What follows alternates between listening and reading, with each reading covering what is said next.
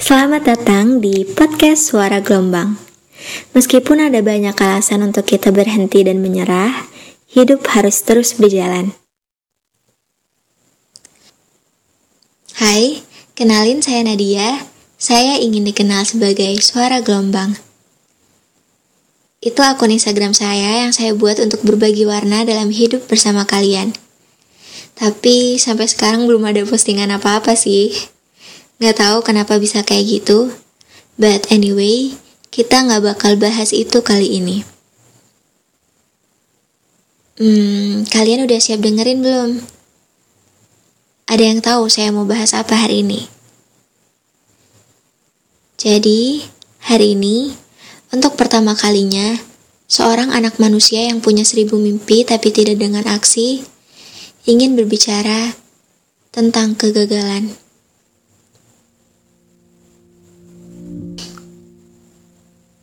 Banyak orang bilang bahwa gagal adalah keberhasilan yang tertunda. Banyak orang bilang bahwa gagal itu ya hal yang biasa.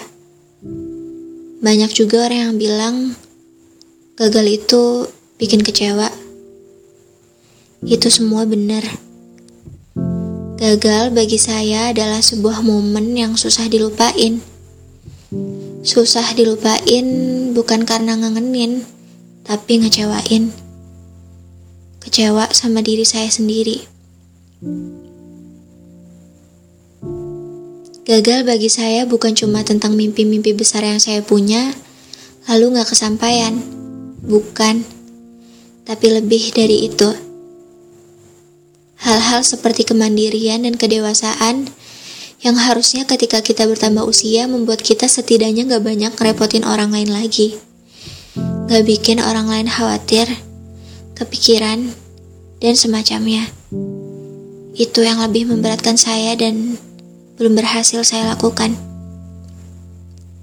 Ya meskipun gak saya pungkiri juga, saya merasa sedih ketika mimpi-mimpi saya tidak diaminkan oleh semesta. Kalian pasti bingung ya, mimpi apa saja yang belum berhasil saya genggam. Saya akan ceritain semuanya di sini sekarang. Sekitar 7 atau 8 tahun yang lalu, ketika saya duduk di bangku sekolah dasar kelas 6, saya ditanyai oleh teman-teman saya kala itu. Nat, kamu nanti sekolah di mana? Saya terdiam dan mereka menunggu jawaban saya. Terlintas di pikiran saya waktu itu, saya juga akan melanjutkan ke sekolah yang sama seperti mereka. Tapi saya hanya menjawab, nggak tahu. Dan yang paling mengherankan saya waktu itu adalah tidak pernah sekalipun orang tua saya menanyakan hal yang sama seperti teman-teman saya tanyakan. Sampai pada akhirnya ujian nasional selesai. Kemudian tiba-tiba saya didaftarkan oleh ibu saya ke sebuah sekolah swasta yang mengharuskan saya tinggal di asrama dan ya tinggal terpisah dengan keluarga saya. Itu kegagalan pertama saya. Kenapa? Ya, karena pertama saya tidak punya tujuan. Kedua, saya tidak punya alasan kuat untuk pergi ke sekolah yang sama seperti teman-teman saya. Ketiga, saya belum bisa memahami keinginan saya waktu itu. Dan sekarang saya mengerti bahwa ternyata penyebab kita ngalamin kegagalan terkadang bukan karena kita kurang berjuang, kurang belajar atau malas, tapi karena kita nggak bisa mahamin mau kita sendiri itu apa. Sehingga kita berakhir di tempat yang lain yang nggak kita inginkan. Singkat cerita, saya sudah nyaman di lingkungan baru saya. Bertemu dengan teman-teman yang seru, suportif, dan saya juga belajar mandiri. Oh iya, sekolah saya juga uh, berbasis agama jadi di situ saya belajar banyak dan di Di asrama, kami juga dituntut untuk menggunakan bahasa Arab dan bahasa Inggris. Di situ saya menemukan cita-cita saya. Saya bercita-cita untuk melanjutkan SMA di sekolah yang memiliki program yang mirip seperti sekolah saya waktu itu. Saya ingin terus belajar bahasa, mendalami agama, lalu mengikuti tes beasiswa kuliah di luar negeri.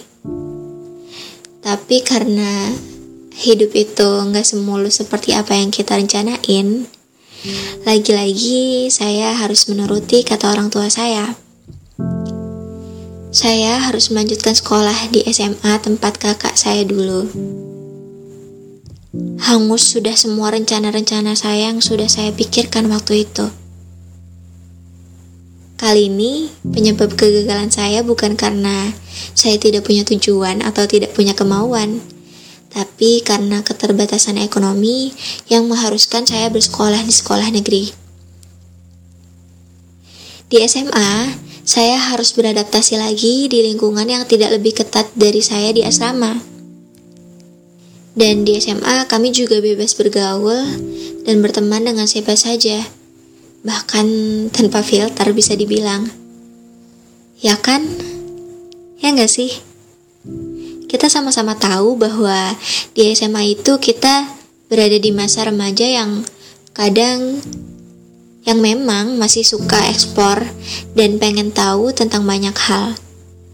Bahkan karena rasa keingintahuan kita itu, kita bisa terjerumus ke hal-hal yang kurang baik.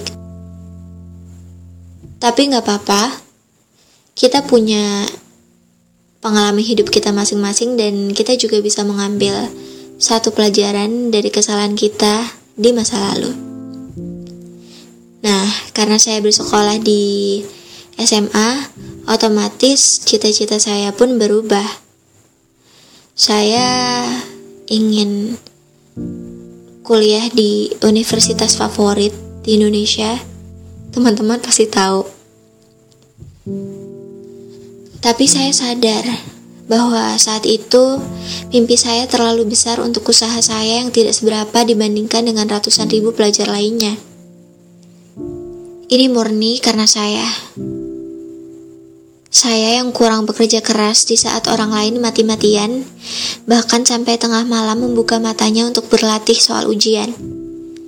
Itu kesalahan saya. Saya yang entah kenapa ketika melihat layar ponsel ajaib bertuliskan, Anda tidak diterima. Tidak sedih ataupun menangis. Saya tidak merasakan apa pun karena saya tahu saya akan gagal. Saya tahu saya akan gagal, tapi bukan berarti saya tidak merasa kecewa. Setelah saya gagal di ujian pertama masuk universitas, saya sampai di titik pertama lagi. Iya, sama seperti tujuh tahun yang lalu. Saya nggak tahu lagi saya mau ke mana, saya nggak tahu lagi tujuan saya ke mana. Ya, karena saya maunya cuma di situ. Egois kan? Salah sendiri gak berjuang keras. Akhirnya, orang tua saya turun tangan dengan doa-doa magisnya dan nyemangatin saya lagi untuk kembali belajar. Kemudian saya ikut ujian lagi dan saya beruntung. Saya beruntung saya berhasil diterima untuk kuliah di universitas ini. Itu dia cerita saya yang cukup panjang. Tapi memang benar, kalau ngomongin tentang kegagalan, itu nggak bakal habis sampai kapan pun. Setiap fase dalam hidup, apalagi di usia yang menuju angka 20, tuntutan untuk menjadi dewasa dan mandiri seringnya membuat kita tertekan dan kesulitan. Bahkan gak sedikit yang merasa diri mereka gagal, termasuk saya. Dan mungkin juga di antara kalian yang mendengarkan podcast ini. Tapi nggak apa-apa. Tuntutan untuk dewasa karena usia dan permintaan untuk memaklumi ketidakdewasaan kita-kita itu harus terus berimbang jalannya. Supaya kita ingat dan termotivasi terus untuk menjadi orang yang lebih baik ke depannya. Dalam hidup, jatuh, bangun, suka, duka, menyerah, berjuang, gagal atau berhasil, ya itu yang dinamakan proses hidup. Apalagi kegagalan, itu hal yang pasti sih kita alamin. Tapi kita masih aja dan gak bakal bisa terbiasa dengan hal itu. Gak bakal terbiasa dengan rasa kecewa yang timbul setelah itu. Bener lagu yang liriknya berbunyikan bahwa hidup gak mungkin tanpa perjuangan. Itu bener banget. Untuk kita bisa dapat makan, minum, semua yang kita pakai, kebutuhan kita, keinginan kita, mimpi-mimpi kita, cara mendapatkannya ya harus dengan berjuang, harus dengan pengorbanan. Walaupun kita juga tahu bahwa di dunia ini tidak semua hal ditakdirkan untuk dimiliki oleh kita.